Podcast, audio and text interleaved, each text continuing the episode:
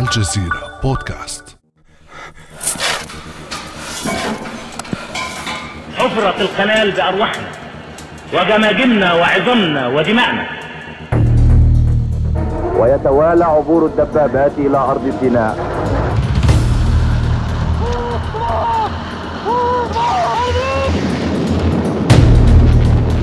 أننا نفتح قناتنا شريانا للرخاء.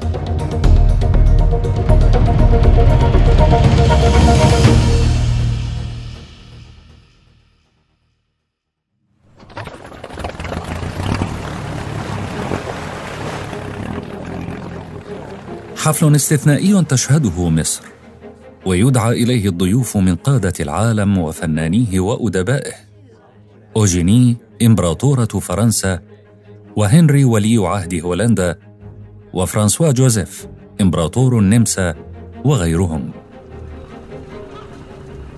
ترسو سفنهم في ميناء بورسعيد على البحر الأبيض المتوسط.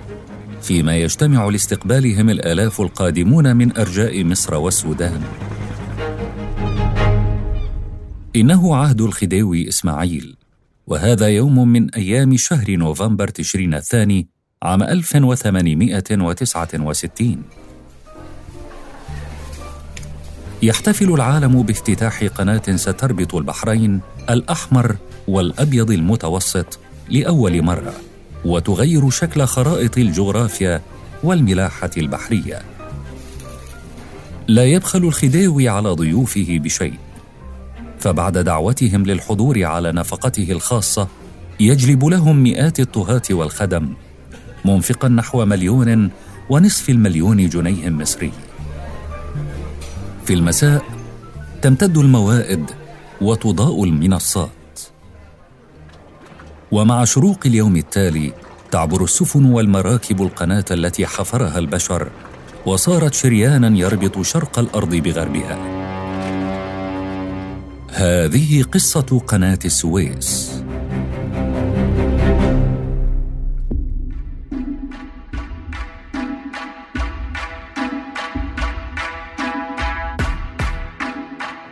أهلا بكم في هذه الحلقة من بودكاست لحظة من الجزيرة بودكاست في الموسم الخامس.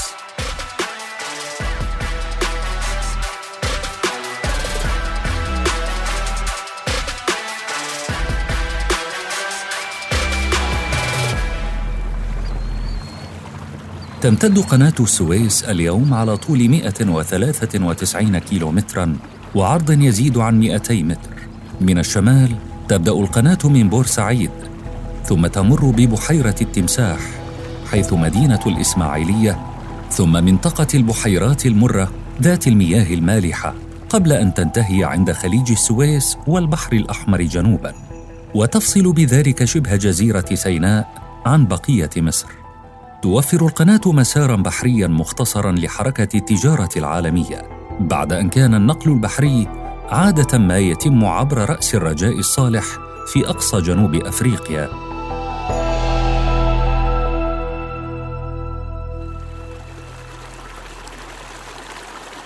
في أواخر ستينيات القرن التاسع عشر تدفقت المياه إلى قناة السويس فتحققت مخططات عمرها آلاف السنين. يقال إن المصريين القدماء قبل الميلاد بنحو ألفي عام حفروا قناة من النيل إلى البحيرات المرة المتصلة بدورها بالبحر الأحمر حينها، لكنها ردمت بالأتربة بعد عدة قرون.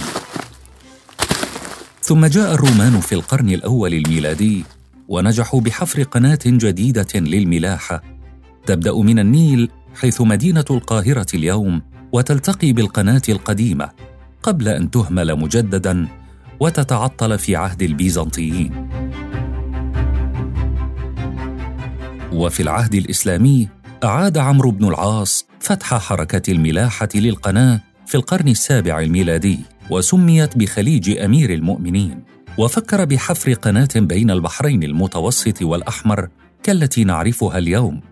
لكن الخليفة عمر بن الخطاب أثناه عن خطته ربما خوفا على مصر من فيضان مياه البحر أو تجنبا لوجود حاجز مائي يفصل بينه وبين ابن العاص.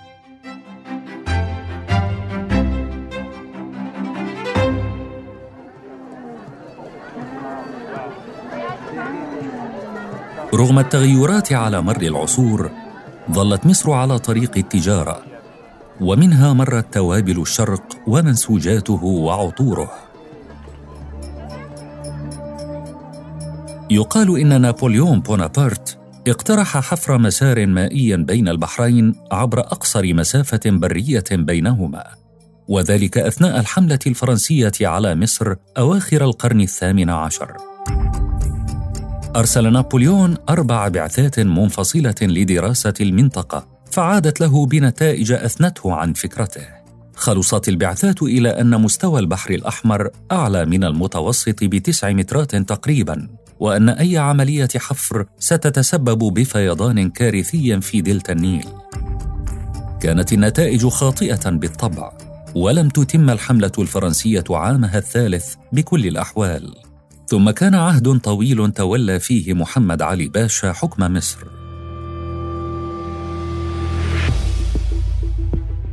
لما جاء محمد علي في الحكم النص الأول من القرن 19 حاول جاهدا إن هو يزود من قيمة مصر كبديل للطرق التجارة المختلفة البديلة دي هي.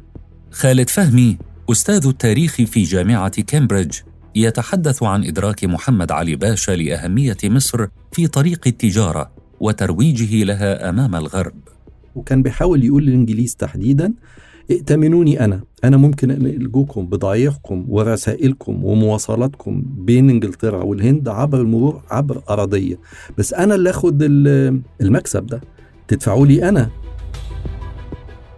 طبعا وقتها ما كانش لسه فكرة شق قناه إنما كانت عن طريق تحميل البضائع اللي جاية من الهند وتوصل للسويس آه، وبعدين آه، نقلها آه، برا من السويس للقاهرة وبعدين نقلها نيليا من القاهرة للإسكندرية وبعدين تحميلها على سفن في البحر المتوسط من الإسكندرية لإنجلترا. أصر محمد علي على قطف ثمار أي خطة جديدة بنفسه بدلا من إنشاء شركة أجنبية تحصل على امتياز سكك حديد تجارية وتجني الأرباح من ورائها. في تلك الفترة احتدت المنافسة بين الفرنسيين والإنجليز على المنطقة ومقدراتها الفرنسيين لأسباب قديمة كانوا شغالين في البحر المتوسط وكان عندهم أطماع في الشام وسنة 1830 احتلوا الجزائر وبالتالي تواجدهم في البحر المتوسط آه، تواجد آه، قوي وطاغي وفي منافسة. فلو قدرنا نتخيل إن كأن الإنجليز ماسكين الجزء الشرقي المحيط الهندي والخليج العربي والبحر الأحمر وكأن الفرنسيين لهم الغلبة بدرجة ما على البحر آه، المتوسط. أما فكرة حفر القناة بالتحديد فقد ظلت معلقة حتى ظهر دبلوماسي فرنسي طموح استغل علاقاته مع حكام مصر لتنفيذ خطة طال انتظارها.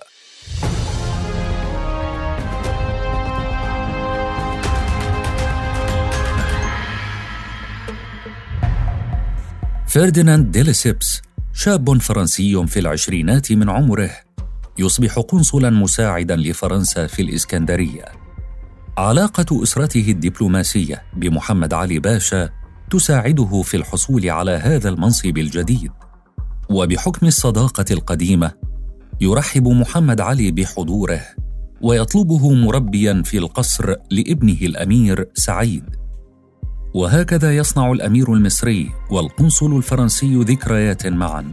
ستسهل مهمة مفصلية على الأخير بعد عقدين من الزمن.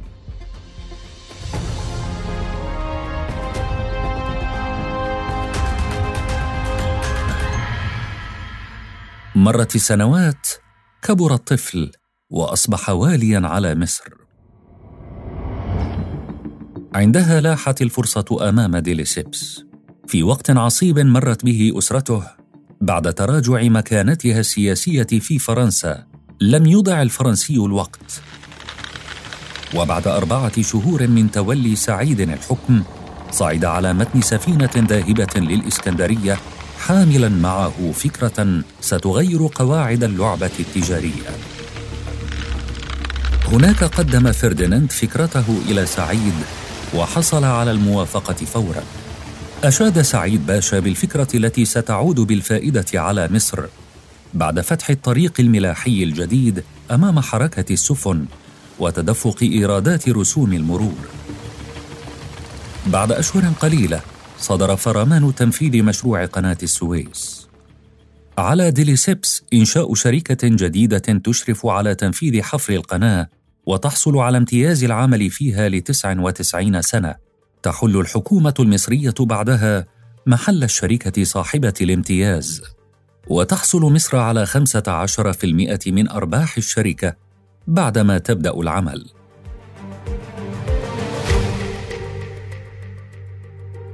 باسم الشركة العالمية لقناة السويس البحرية وطبقا لقرار مجلس إدارتها نضرب أول معول في الأرض التي ستفتح أبواب الشرق لتجارة الغرب. هذا ما قاله فرديناند عندما أمسك بالفأس في بورسعيد وضربه في الأرض ومن حوله آلاف العمال والمهندسين الذين سيبدأون الحفر بعد لحظات. كان ذلك في ربيع عام 1859 تأسست قبل ذلك شركة الامتياز ووزعت أسهمها على الدول فيما ملكت مصر ما يقرب من نصفها. اللي حصل إنه الاوروبيين لم يقبلوا على شراء الأسهم وبالتالي آه، رأس مال الشركة بقى مهدد. طيب مين ال... هندير الشركة إزاي؟ إحنا كنا هنديرها من خلال بيع الأسهم. فوقتها سعيد برضو عمل تنازل كبير وقرر إنه يشتري الأسهم دي هي. الأمر ده هو أدى إلى عجز كبير جدا في ميزانية الحكومة المصرية.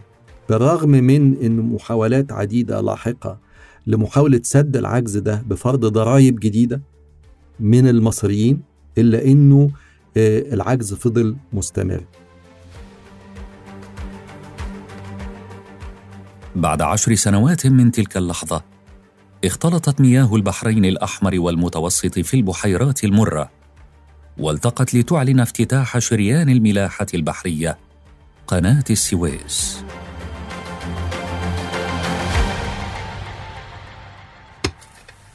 ما بين ضربة الفأس الأولى والافتتاح الرسمي. عشر سنوات عمل فيها الفلاحون المصريون في ظروف قاهرة ضمن ما يعرف بنظام السخرة السخرة دي ضريبة. ممكن نعتبرها كضريبة. الفلاح المصري بيدفعها بيستقطع جزء من وقته ومجهوده وصحته آه وبيديها للحكومة المصرية. مقابل أجر رمزي للقيام بأعمال منفعة عمومية.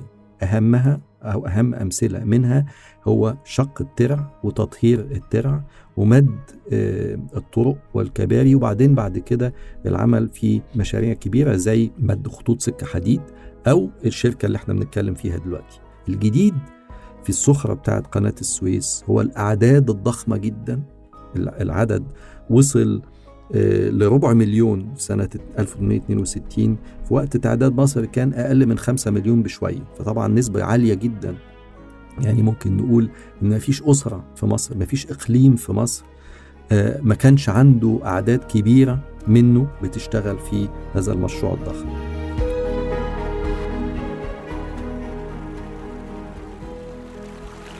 كان مد الفلاحين بالمياه العذبة في وسط الصحراء تحديا كبيرا. عمل المصريون في الحفر بأجور زهيدة. في بقعة بعيدة عن قراهم فانقطعوا قسرا وبالآلاف عن مواسمهم الزراعية. بس ليه بنقول عليها سخرة؟ إن هم مش أحرار في رفض هذا الأمر. ما يقدروش يرفضوه. ولو رفضوه بيعاقبوا ولو هربوا بيتمسكوا ولما بيتمسكوا بيتعاقبوا. أوكلت الشركة للحكومة المصرية مسؤولية تأمين العمال. قضى الآلاف منهم من العطش الأمراض والانهيارات الرملية. حتى أن الباب العالي في اسطنبول عبر عن رفضه لتلك الظروف القاسية التي انطوى عليها انتزاع عشرات الآلاف من العمال من الحياة الزراعية والتجارية والصناعية. وكان آه، سعيد باشا كان في موقف دفاعي كان بيحاول إن هو يثبت إن هو بيقوم بكل ما هو مطلوب منه لتقديم الرعاية الصحية والأكل والمأكل والمشرب للفلاحين. إنما موضوع السخرة بقى موضوع آه، شائك جدا آه، دوليا ودبلوماسيا ومحليا في مصر. من سنة لأخرى تطورت أساليب الحفر واستخدمت المجارف البخارية لنقل ما يقدر بخمسة وسبعين مليون متر مكعب من الرمال أي ما يكفي لتمر بحيرة التمساح التي تمر بها القناة.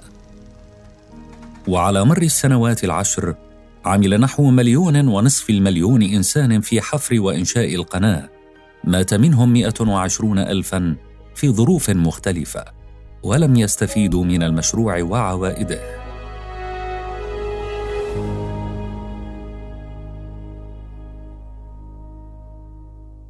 ضج العالم بأخبار الحفل الباذخ الذي أقامه الخديوي إسماعيل عند افتتاح القناة. لكن شركه قناة السويس والحكومة المصرية كانتا على وشك أزمة اقتصادية.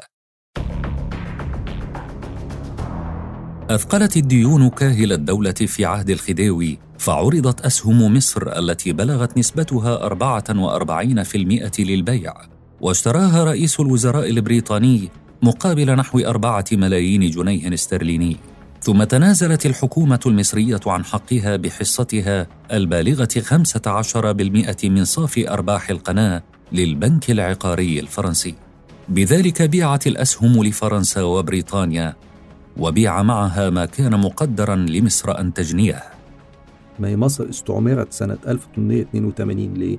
لأن الإنجليز قالوا الوضع في مصر دلوقتي غير مستقر وإحنا سلفناكم وعايزين فلوسنا وانتوا مش عارفين تديروا اموركم المالية فاحنا هنتدخل عسكريا للتحكم في ميزانية مصر. واما دخلوا واحتلوا مصر خصصوا نصف عائدات البلد كلها لتسديد الديون اللي كانت مصر وقعتها قبل كده.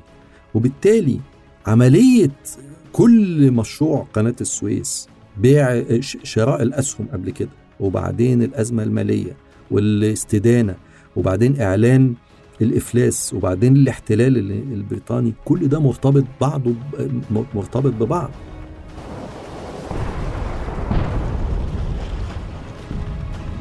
خضعت مصر للاستعمار البريطاني ولف الغموض مصير القناة التي تخدم التجارة العالمية.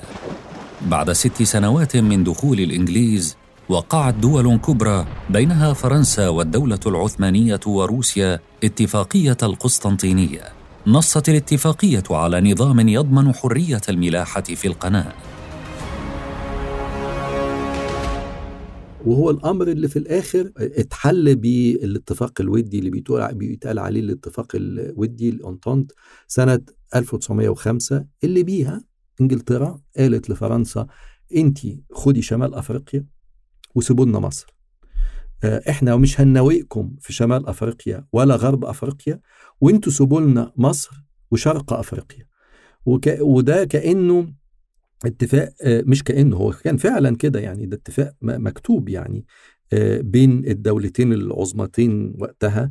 وده الأمر اللي مكن إنجلترا إنها بقى تلقط نفسها وتقول إحنا قاعدين في مصر مش سايبينها. قناة السويس من وقتها وطالع جزء أساسي مهم راسخ عقيدة أساسية في المخيلة الاستعمارية البريطانية. ما ينفعش التفكير في الإمبراطورية البريطانية من غير التفكير في التحكم في قناة السويس.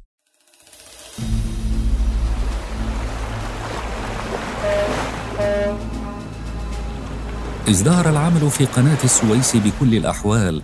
وتضاعفت الملاحة مع نهاية العقد الأول من القرن العشرين. لم يتوقف العمل على توسيع قناة السويس لتستوعب السفن التجارية التي تزداد سنة بعد أخرى. حتى سنة 1956 زاد عمق القناة من سبعة أمتار ونصف عند تأسيسها إلى 13 مترا ونصف. وزاد ما تستوعبه من حمولة على متن سفنها. من خمسة آلاف طن ساكن فقط إلى ثلاثين ألف طن. تلك السنة كانت فاصلة في تاريخ قناة السويس ومصر والمنطقة. 1854 وصل مصر فرديناند لسبس وراح لمحمد سعيد سعيد باشا هو الخديوي. وقعد جنبه وقال له عايزين نحفر قناة السويس. قناة السويس هتفيدك فائدة لا حد لها. قناة السويس مشروع ضخم سيعيد لمصر الكثير. الإسكندرية جمال عبد الناصر في خطاب تأميم قناة السويس سنة 1956 يسرد الخديعة التي لحقت بمصر كما وصفها. عندما صارت خاضعة للشركة الأجنبية صاحبة الامتياز ويذكر بالأزمة الاقتصادية التي سببتها دون فائدة ترجى للمصريين. حفرت القنال بأرواحنا وجماجمنا وعظامنا ودماءنا وبعد ما كانت القناة محفورة لمصر زي ما قال خواجة ديليسيبس للخديوي بقت مصر ملك للقناة. ناصر يستحضر ما حدث قبل مئة عام من تاريخ خطابه ويشبهه بالمساعدات التي وعدت بها مصر لبناء السد العالي على نهر النيل في الجنوب. يقول إنه لا يريد للتاريخ أن يكرر نفسه لا يريد استعمارا اقتصاديا جديدا. باسم الأمة رئيس الجمهورية مادة واحد. تؤمم الشركة العالمية لقناة السويس البحرية شركة مساهمة مصرية. وينتقل إلى الدولة جميع ما لها من أموال وحقوق وما عليها من التزامات.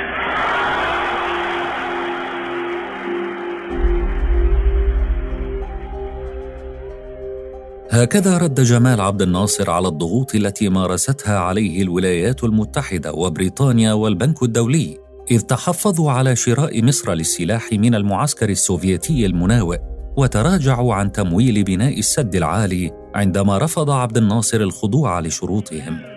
في هذا العمل لنستعوض ما فات ولنستعوض الماضي ولنبني طروحا جديدة في العزة والكرامة. وفقكم الله. والسلام عليكم. ورحمة الله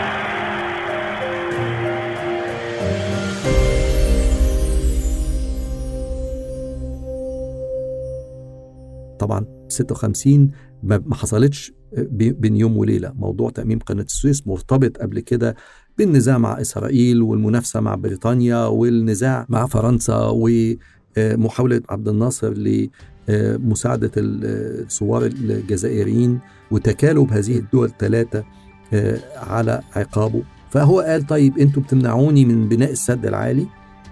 فأنا هأمم قناة السويس وآخد خيرها وريحها عشان أبني المشروع الضخم بتاعي في قن... في السد العالي. وإن أنا هعمل الكلام ده بشكل قانوني لأن كل المستثمرين دول هيعوضوا تعويض مجزي وعادل على حسب القانون. فهو وضعه القانوني كان آه، سليم الحقيقة. في إعلان التأميم أقرت الدولة المصرية بحقوق المساهمين إذ نص الإعلان على تعويضهم عما يملكونه من حصص بعد استلام الدولة لأموال الشركة وممتلكاتها. الشركة العالمية لقناة السويس صارت مصرية بحتة وبعد التأميم مباشرة تأسست هيئة قناة السويس العامة.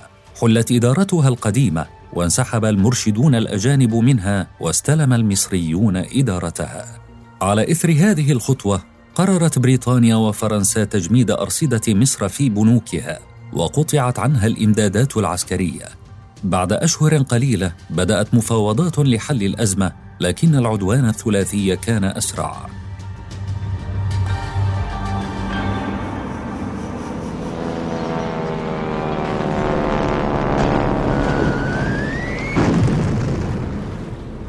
بريطانيا وفرنسا وإسرائيل تجتمع للعدوان على مصر من دون إنذار. أغرقت عشرات السفن والقطع البحرية خلال العدوان على القناة فأعيقت حركة الملاحة تماما. وموضوع 56 في السويس ده ونقطة مهمة جدا في تاريخ الإمبراطورية البريطانية وهي فعلا زي ما بيتقال عليها دي المسمار الأخير في نعش الإمبراطورية البريطانية. في قبل السويس وفي بعد السويس. قبل السويس حاجة وبعد السويس حاجة تانية. لم يكن الإغلاق عابرا. لثمانية أشهر علقت حركة الملاحة وامتد الضرر إلى اقتصاد دول بعيدة تعتمد تجارتها على هذا الممر. ارتفعت أسعار الشاي مثلا ارتفاعا حادا وأثر ذلك على اقتصاد الهند. أما في بعض الدول الغربية مثل بريطانيا فقد ارتفعت أسعار الوقود وتضررت الحياة الصناعية ما زاد أعداد المهاجرين منها إلى دول كأستراليا وكندا. لكن هذا الإغلاق لم يكن الأعنف في تاريخ القناة.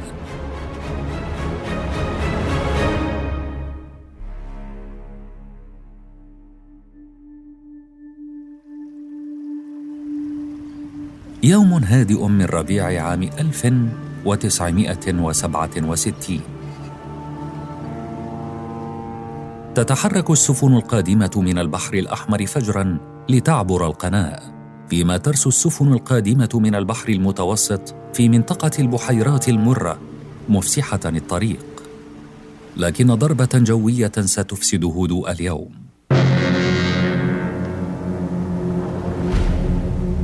The tension in the Middle East over the Gulf of Aqaba blockade develops into full-scale war.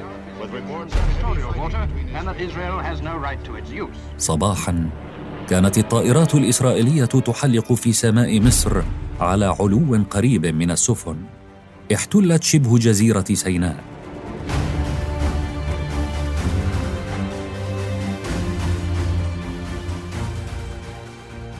ضجت البحيرات المرة بعدد كبير من السفن المسافرة وحاولت هيئة قناة السويس جاهدة إخراج ما تستطيع منها من المنفذين الشمالي والجنوبي. لكن سفنا أخرى ظلت عالقة.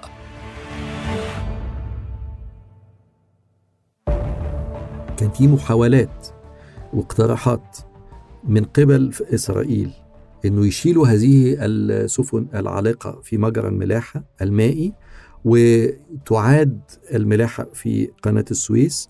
ويجري اقتسام عائد العبور بين مصر وإسرائيل. طبعا عبد الناصر رفض ده لأنه هو أصلا كده معناه إن مفيش حالة حرب بينه وبين إسرائيل وإن الإقرار بالأمر الواقع وإنتوا إحنا هناخد سينا وإنتوا هتقروا بإن إحنا خدنا سينا. والموضوع بس موضوع تجاري مالي هنقتسم العائدات بيننا وبينكم. فعبد الناصر طبعا رفض وقال لأ إحنا خلي القناة مقفولة بناقص.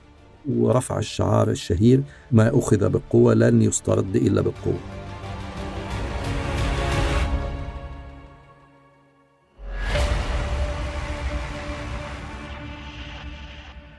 بنت إسرائيل خط بارليف على الضفاف الشرقية لقناة السويس وهو مانع حصين بارتفاع يزيد عن عشرين متراً. أرادت من خلاله صد أي اختراق متوقع للجيش المصري لتحرير الأراضي المحتلة.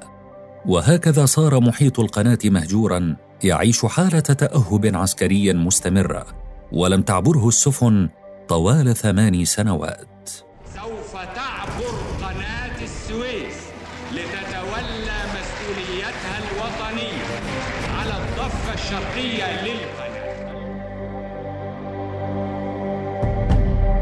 استمر ذلك الحال حتى تحرير سيناء من الاحتلال الإسرائيلي وتدمير الجيش المصري لخط بارليف المنيع.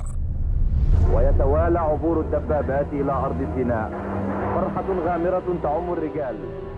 كان ذلك في عام 1973 في عهد الرئيس أنور السادات. وباسم مصر أقول للعالم كله أننا نفتح قناتنا شريانا للرخاء شريانا للسلام شريانا للمحبة. لا تفرقة ولا أي عوائد بل من أجل الإنسان ومن أجل كرامة الإنسان ومن أجل للمرة الثالثة في تاريخها تفتتح قناة السويس. بإمكانيات أكثر تطورا. مرت سنتان على هزيمة الإسرائيليين في سيناء والرئيس السادات سيسلك طريق التطبيع في السنوات القليلة القادمة. في تلك السنوات في عام 1980 تحديدا افتتحت تفريعات جديدة للقناة ووصل عمقها إلى 19 مترا ونصف أي أكثر من ضعفي عمقها وقت تأسيسها. كما صارت تستوعب سفنا بحمولة قصوى تصل إلى 150 ألف طن ساكن وهو خمسة أضعاف ما كان يمكنها استيعابه عند تأميمها.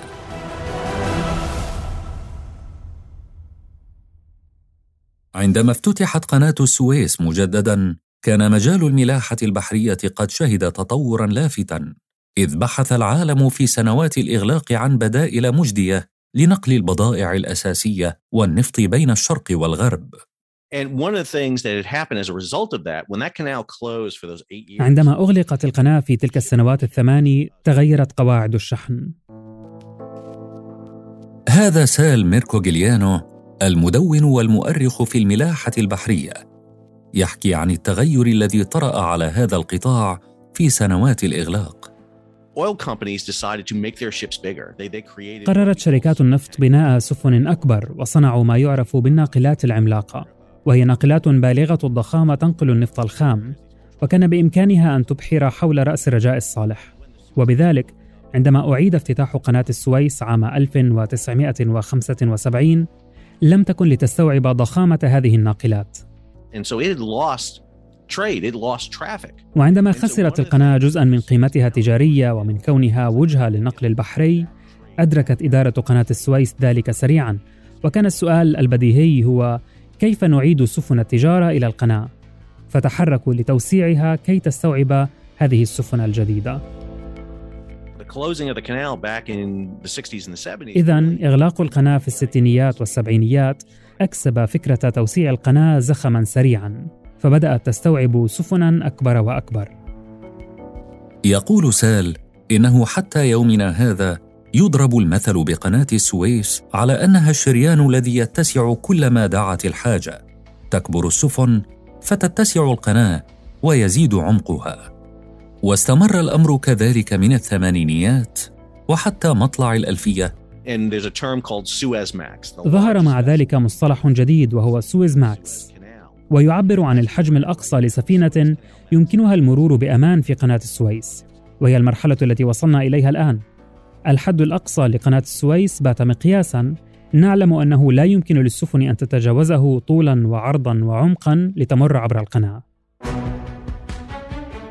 افتتحت التفريعة أو المجرى الجديد لقناة السويس الأم التي أنشئت عام 1869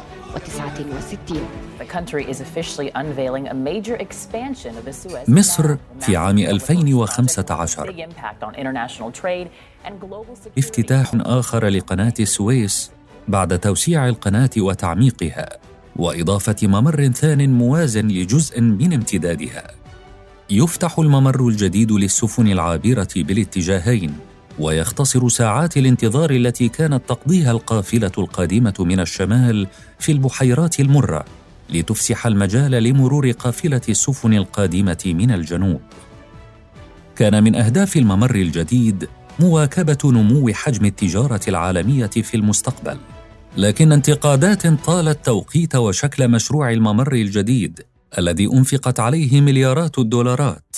تركزت بعضها حول فكرة تنفيذه في سنة واحدة ما تسبب بأزمة سيوله في القطاع المصرفي المصري وتداعيات مالية على قيمة العملة بحسب بعض الخبراء. رغم الانتقادات تعول الحكومة المصرية على الجدوى المحتملة من هذا الممر. تحصد مصر ما معدله خمسة مليارات دولار كإيرادات من قناة السويس وهدفت آخر جولة من التوسعات إلى مضاعفة معدل مرور السفن بالقناة وهو أحد الأهداف التي تأمل إدارة قناة السويس تحقيقها من القناة الجديدة. تأمل مصر كنتيجة للتوسعة الأخيرة بزيادة إيراداتها إلى ما معدله 13 مليار دولار سنوياً.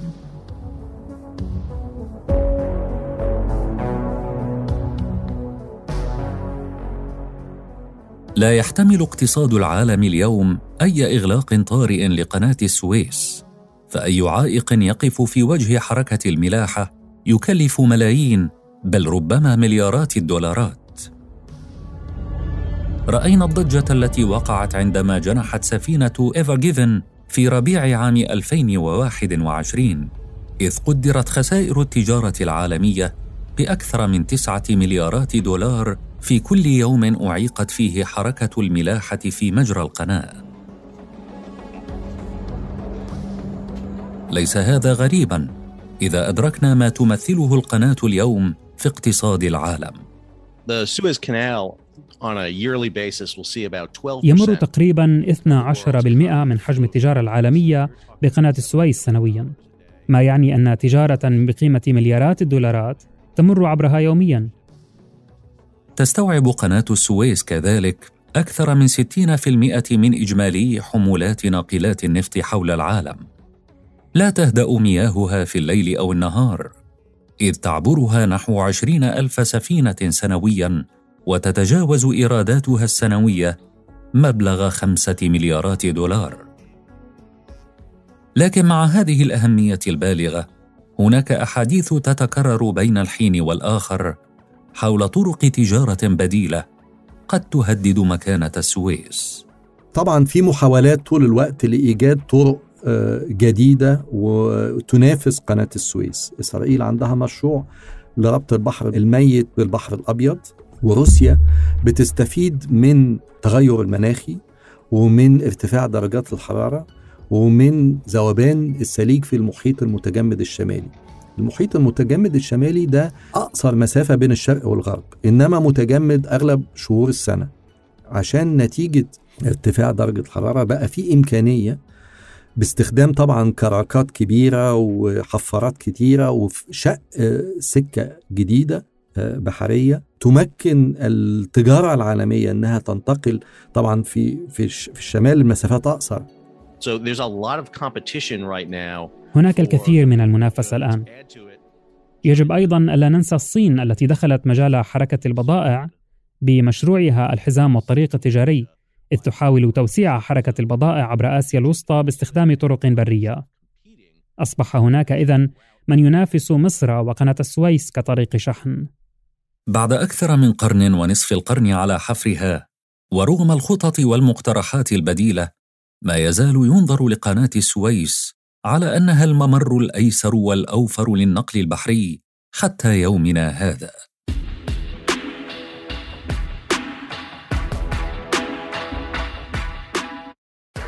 في ظل الحديث عن بدائل للتجارة البحرية كيف يمكن لمصر الحفاظ على مكانة قناة السويس مستقبلا؟ شاركونا آراءكم وتجاربكم في التعليقات عبر منصات الجزيرة بودكاست. في الحلقات المقبلة من بودكاست لحظة سنحكي لكم عن لحظات مفصلية أخرى من تاريخ منطقتنا والعالم. انتظرونا ولا تنسوا زيارة موقعنا على الإنترنت podcast.aljazeera.net ومشاركة هذه الحلقة مع أصدقائكم. إلى اللقاء.